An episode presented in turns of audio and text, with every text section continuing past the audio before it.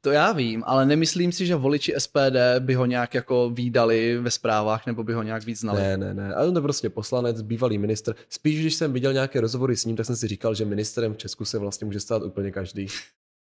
Eh, Petr Pavel, teda generál ve výslužbě, tak eh, ten má taky takovou zajímavou kampaň. My jsme totiž, pardon, vůbec jako neprobrali kampaně těch ostatních, ale oni nejsou.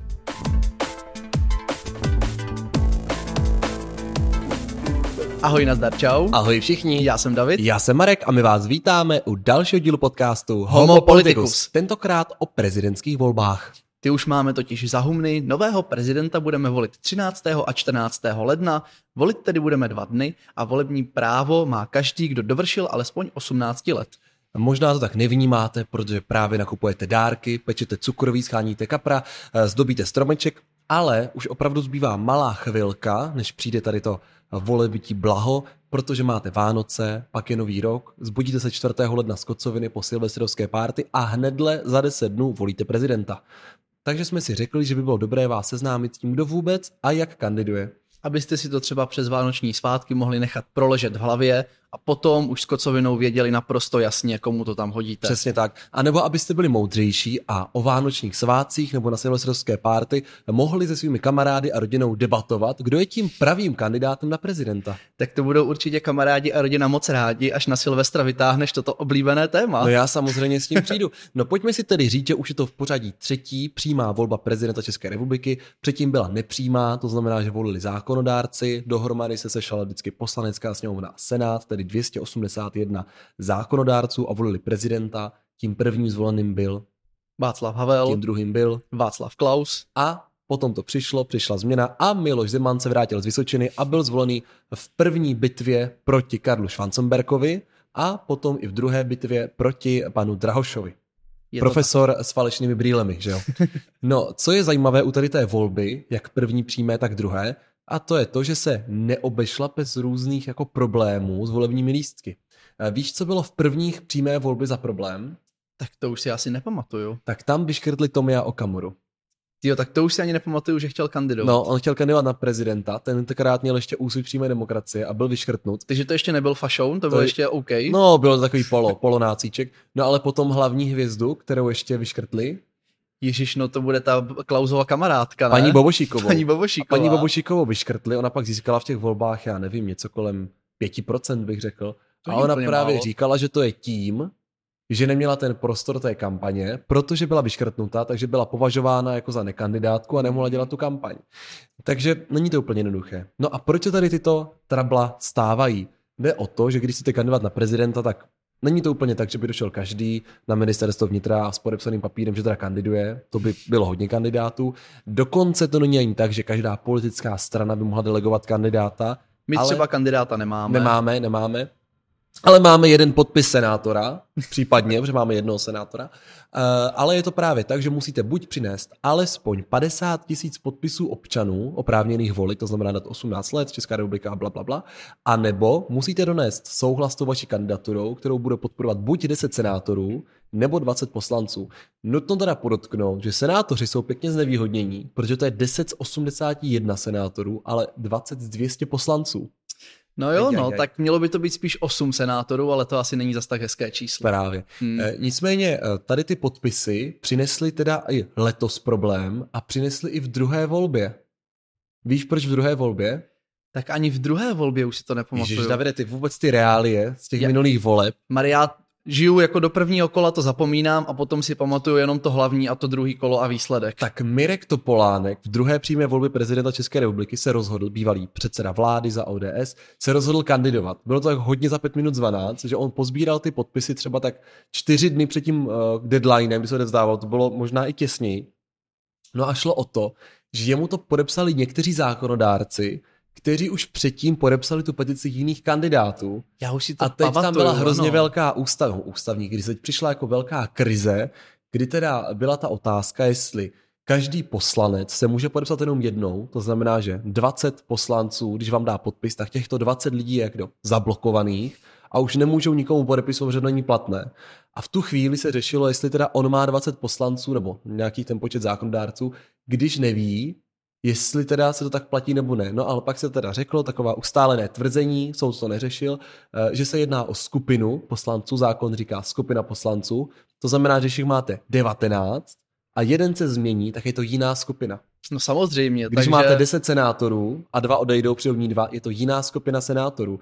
Takže vlastně mají trošku jako neomezený počet těch kandidátů, které můžou vysílat předpokládá se, že budou ten svůj mandát vykonávat řádně a nebudou posílat do volby o prezidenta 200 kandidátů. Tak bylo by to trochu zvláštní, kdyby poslanci podepisovali jak třeba děkovačky nějaký eh, no, kandidatury na prezidenta. Tím se ale dostáváme do střetu v letošním roce, kdy paní uh, Den- Denisa Rohanová, říkej emeritní kandidátka na prezidenta, uh, si nechala podepsat svoji kandidaturu od minulé poslanecké sněmovny.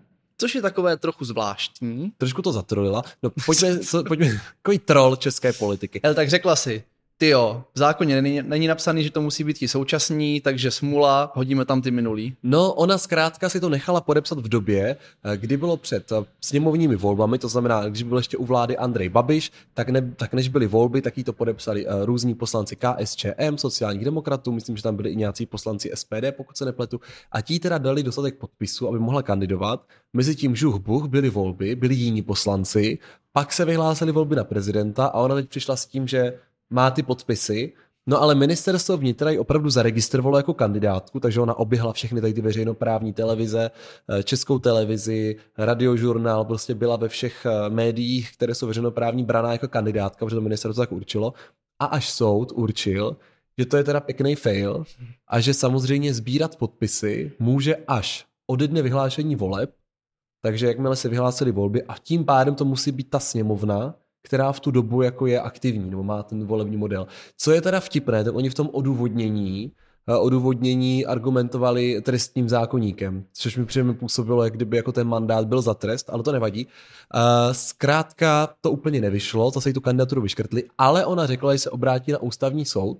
Takže možná ještě nakonec bude velká změna. No já bych se nedivil, kdyby ústavní soud řekl, eh, že to není specifikováno a že ty máš předpoklad, kdy ty volby budou poměrně dopředu a že rok dopředu sbírat podpisy není tak dlouho.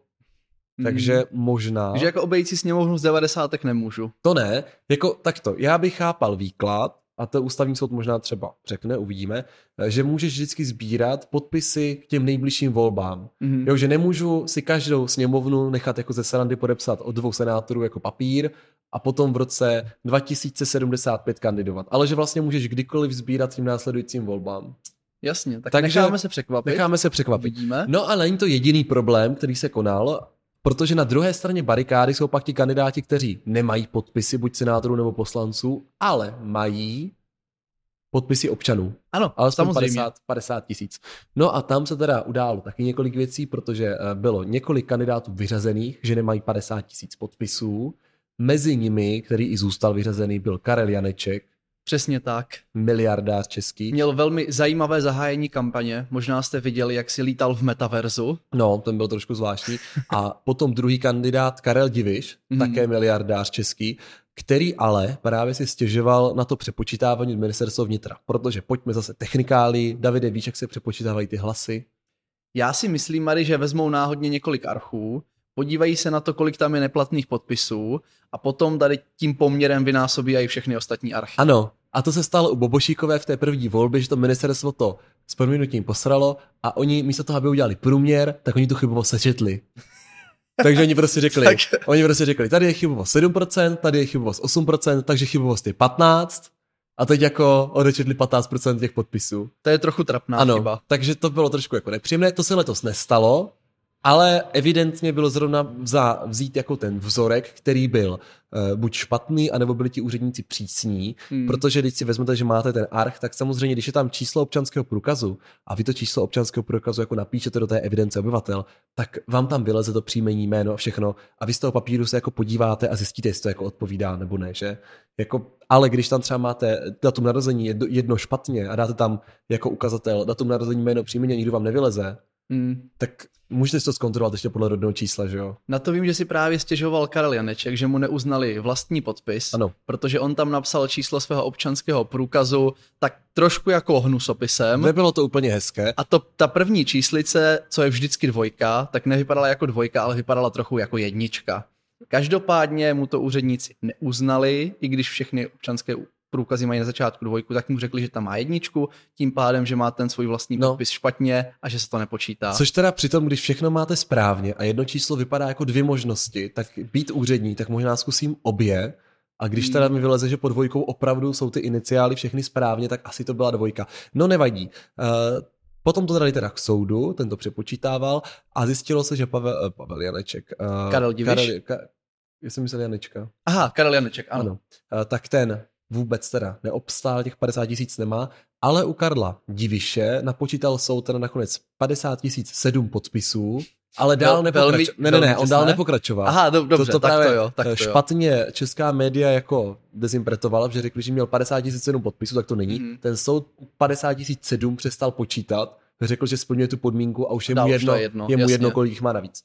Uh, takže tito, tito dva pánové měli s tímhle trable. No mimo to teda eh, ještě další dva takový top prezidenční kandidáti, nebo můžeme vzít postupně ty kandidáty? Můžeme od tak nejnižších pojďme, procent. pojďme od nejnižších procent v posledním průzkumu. Vždycky se vyhlašuje, že je od spoda Od a spoda. potom se jde na bednu. Takže ti eh, kandidáti, co se točí ve všech průzkumech plně nejníž, tak jsou Tomáš Zima a už zmíněný Karel Diviš. Já musím říct, že ani o jednom z těch pánů jsem dřív moc neslyšel.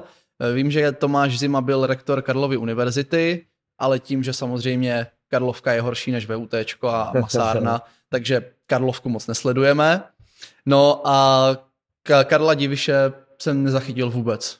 Já Bohatý jsem ho- člověk, podnikatel, ale Já jsem ho zachytil, eh, že je miliardář, eh, pak jsem ho zachytil v nějaké kampani, kde na mě jako mířil na sociálních sítích, no a potom už jsem viděl až to, že ho vyřadili. Aha, No, ale právě teďka jsem viděl rozhovor na české televizi, protože česká televize dělá rozhovor doporučuju se všemi těmi kandidáty, kteří byli uznaní. I tam byla tam teda i paní Rohanová původně, a tak dělali dodatečný rozhovor s panem Divišem a on byl vlastně celý jenom o tom, že ho vyškrtli a podle mě to byl jako jeho největší PR v rámci té volby a dál už to asi nepůjde. ale je pravda, že já jsem o něm slyšel spoustakrát právě díky tomu, že se dostal zpátky do hry. Potom následuje další trojka kandidátů, kteří se točí tak nějak okolo procent přibližně. Ano, protože kandidáti se eh, u nás eh, dají řadit jako trash, tak znamená, že to máme ty kandidáty, kteří vůbec jako se nedostali do toho výběru, že tam byli i další dva, na jejichž jméno si nespomenul, byl nějaký ten kandidát těch demonstrantů, co chodil, běhal po ulicích. Jo, a jo, ten, ten řekl, že má 50 tisíc podpisů, pak měl asi 4 tisíce, něco takového. Takže to bylo jako úplně trash. Pak jsou kandidáti, uh, takový skoro kandidáti, jako emeritní, to je pan Janeček a paní Rohanová, že jako skoro kandidovali. Pak je skupina takových jako outsiderů, to je teda rektor Zima a pan miliardář Diviš, který se vrací do hry. No a pak to máme takovou trojici průměrných, takový kandidáti k ničemu moc nejsme, ale jsme tady. A, a to je teda, ježiš, ty naši, doufám, že naši posluchači nemají zrovna v tenhle trojici jako na svého ale jsou favorita. to jako eh, zajímaví kandidáti, je samozřejmě dobře, že kandidují, mohou překvapit. mohou třeba eh, za mě mohou třeba jako vzdát kandidaturu a tím podpořit jiného kandidáta. Ale je to teda trojce eh, Pavel Fischer, Marek Hilšer a Jaroslav Bašta. Pavla Fischera, Marka Hilšera už jste mohli vidět v minulé prezidentské kandidatuře, kde se stali poměrně známými, protože zase figurovali poměrně vysoko eh, v těch preferencích. Oni toho potom využili a oba dva kandidovali do Senátu, kam byli úspěšně zvoleni. Takže teď to jsou senátoři. No a Jaroslav Bašta je poslanec. Ano, Takže- kandidát SPD. Takže tam jenom je zajímavé, že Andrej Babiš vlastně říká, že on je jediný kandidát na prezidenta s politickou zkušeností, ale proti němu kandidují dva senátoři a jeden poslanec.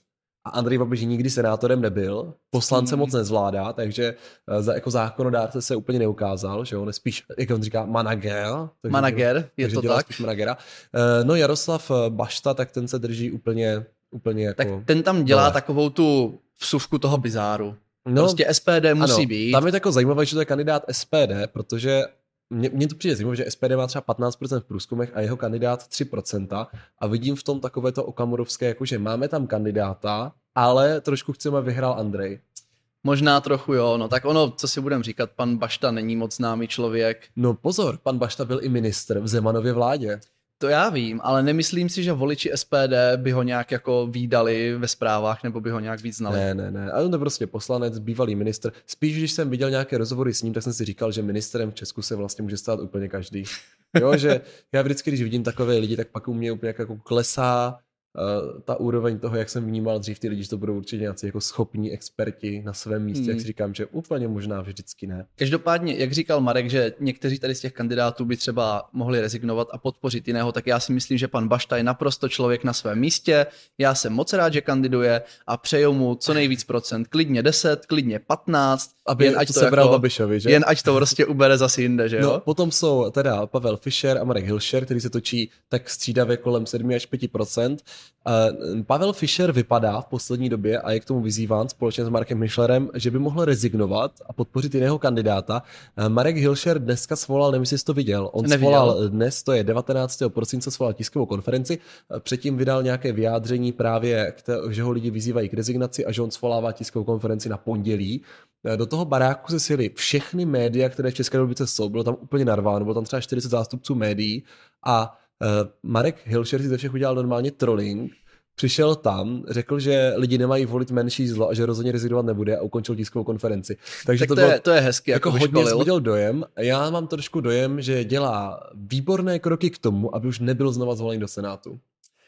Tak já zase jako na druhou stranu chápu, že každý má právo na to kandidovat. No dívej, nikdy nevíš, jak ta volba může dopadnout. Jednou si tak pojďme si říct, jednou si kandidoval, získal si jako 6%.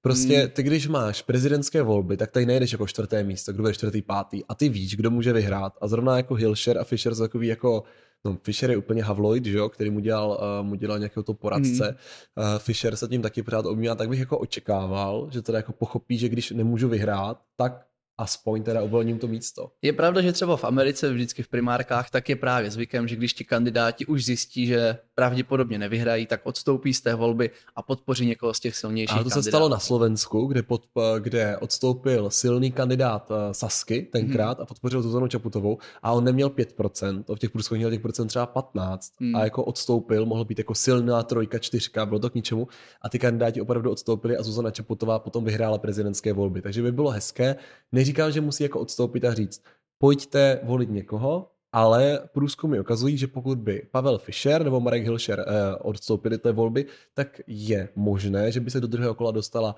jak paní Nerudová, eh, tak pan generál. Což by byla velice příjemná volba. A tímto krokem už se můžeme pomalu dostat na tu takzvanou bednu, to znamená první trojici kandidátů, kteří se teďka v průzkumech pohybují prakticky vyrovnaně, všichni tři. Eh, chvilku vede ten, chvilku ten. A je to Andrej Babiš, Petr Pavel a Danuše Nerudová. Tak eh, Andrej Babiš je člověk asi nemusí příliš eh, mnoho představovat. Nicméně je pravda, že v té kampani to je úplně jiný Babiš. A o mně se líbí, jak on to jako otevřeně říká. On, on má teda ty svoje show, nevím, jestli jsi viděl jeho talk show, s kterou jezdí. Ne, já jsem viděl jenom jeho show k tabuli. Ne, ne, ne, je, to nebylo tak, tak dobrá show, ale on má místo jako setkání s voliči, má takovou jako road show, má tam normálně takový ten gauč, že to vypadá, eh, jako bys byl v show Jana Krause, je tam moderátor, eh, zpívá tam zpěvačka, je to v divadlech, a je to vlastně takový hmm. velký kulturní zážitek zároveň Andrej Babiš tam téměř vůbec nemluví, ale nechává mluvit jako diváky, kteří se ptají. Samozřejmě to trošku doprovází někdy eh, nějací demonstranti, ale jako velmi málo, protože hmm. většinou ten sál vypíská ven, oni Jasně, ty lidi, no. co tam chodí, ale že právě to má spíš takové tendence tého kampaň, že si jako když pokýtal, že jsi byl jako v divadle. To, to bylo hmm. takové hezké, příjemné. Uh, on není vůbec útočný, v kampani, jestli jsi všiml, vůbec jako neútočí na nikoho. Uh, pana předsedu vlády, jak vždycky říkal tady, demokratická žumpa a tak dál, tak mu říká pan profesor Fiala a jede takovou zvláštní za mě komunikační linku, že on říká, že prostě na pana Fialu je to hodně a že prostě ta mezinárodní politika ho nezajímá, že tomu nemá čas se věnovat, že se věnuje těm domácím problémům a že si teda myslí, že by bylo jako vhodné, kdyby on byl prezidentem a mohli fungovat jako duo, že on jako prezident, který zastupuje stát na venek, by ho doplnil mm-hmm. a řešil by ty mezinárodní otázky tak já předpokládám, že mu marketáci poradili něco v tom smyslu, že stejně takový ti proti uh, vládní voliči ho budou, budou vždycky volit. volit tak jako tak, protože ti si asi neřeknou, že no Andrej Babiš na ně málo plive, tak to já no. to hodím Danuši Nerudové. A tady tou umírněnou retorikou by naopak možná mohl přetáhnout nějaké středové nerozhodnuté voliče, jo. spíš než kdyby kolem sebe jako Je to, je, je to za mě jako zajímavé. Eh, Petr Pavel, teda generál ve výslužbě, tak eh, ten má taky takovou zajímavou kampaň. My jsme totiž, pardon, vůbec jako neprobrali kampaně těch ostatních, ale oni nejsou. Moc nejsou. Já jo, jsem si asi já nevšiml. jako jediná kampaň, co jsem viděl, tak byla právě od Karla Janečka, ano. ale ten nekandiduje. Takže, takže, já jsem to právě chtěl uvést na prvou míru, proč jsme se nevěnovali kampaních všech ostatních kandidátů, ale oni tím, že neexistují, tak u nich nemáte moc co říkat z marketingového hlediska. Hmm. Uh, no a teda Pat, Petr Pavel, tak samozřejmě generál, takže to má spoustu, spoustu retoriky. On má takovou zvláštní kampaň, mi přijde takový hodně klidný, nikdy se nenechá rozhodit a teďka hodně samozřejmě míří na to, že eh, spojenci si ho zvolili do čela NATO. Pojďme mít znovu prezidenta, který v zahraničí má dobré jméno. Ale to se mu zas musí nechat, eh, protože Petr Pavel byl několik let eh, nej, v nejvyšší vojenské funkci NATO nad ním už byl jenom nějaký ten generální tajemník, nebo jak se to jmenuje. Já mám trošku problém, že já nemám rád vojáky a komunisty. Já taky moc ne. Ale musím uznat, že třeba ta jeho kampaň se mně líbí a právě jako ten tón, rozumný, silný prezident pro těžké časy, válka na Ukrajině. A tak mi to přijde úplně odporný. A je to, jako ne odporný, ale mě prostě, já vlastně jako nechci eh, silného prezidenta pro těžké, těžké časy. Já jako vlastně... mně se to líbí. Mně se ta jeho kampaň asi líbí nejvíc ze všech, co jsem viděl. To je zajímavý. Tak to hmm. já vůbec nejsem jako cílovka. Mně se líbí uh, Danušiny gify, které dala na Instagram prostě. Mně prostě u té Danuše se nelíbí takový to, jak kreslí srdíčka místo teček nad. I mě to přijde takový přehnaný. Ale kandidátka je to skvělá. Uh, asi to vypadá, že se přikloním na její stranu, ale kampaň no, za mě teda bych si udělal jinak. No já naopak, mně se Danušina kampaň líbí, jede to hodně na mladé. Co je zajímavé třeba z nějakých analýz voličských, hmm. tak je tam samozřejmě jeden velký problém u Danuše versus eh, Petra Pavla. Petr Pavel má zhruba stejný procenta ve všech věkových skupinách. Hmm. On vlastně jako napříč tím spektrem má zhruba stejnou podporu. Problém teda je, že už ji nemá moc kde brát další, ale zase vždycky, když máš eh, procenta schodné ve všech skupinách, tak vždycky trošičku si můžeš ještě jako uloupnout, jo.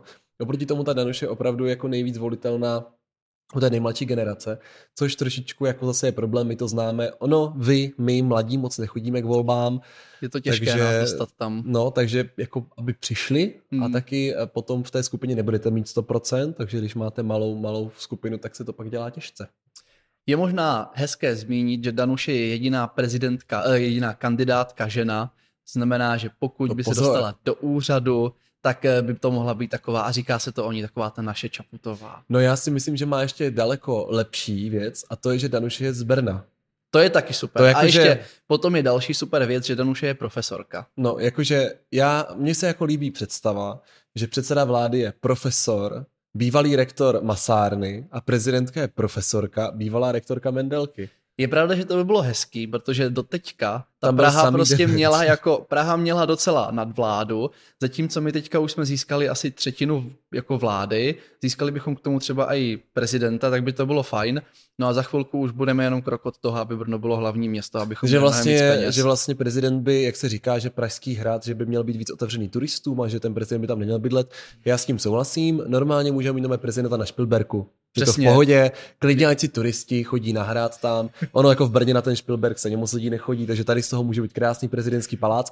A když budou mít nějaké jako jednání s předsedou vlády, který bydlí v černých polích, že? Tak to nebudou mít hmm. daleko. To je Přesně, to já je krásný. Budeme to tady mít hezčí, půjdou k nám investice. Tak je zbytečné, aby předseda vlády a prezidentka jezdili každý den z Brna do Prahy z domu, že jo? Tak pojďme si říct, ať bydlí prostě v Brně. Ať si praští pepíci jezdí do Brna hezky. No, podívat se na prezidentský no, palác. No, potom hmm. najednou taky sami začnou říkat, že se má tady jednička opravovat. Tak, tak tímto bychom, eh, na, tímto návrhem, který určitě přijmeme uh, za své všichni, uh, bychom se chtěli rozloučit. My se uvidíme znova příští týden. Mějte se krásně. Ahoj. Mějte se fanfárově.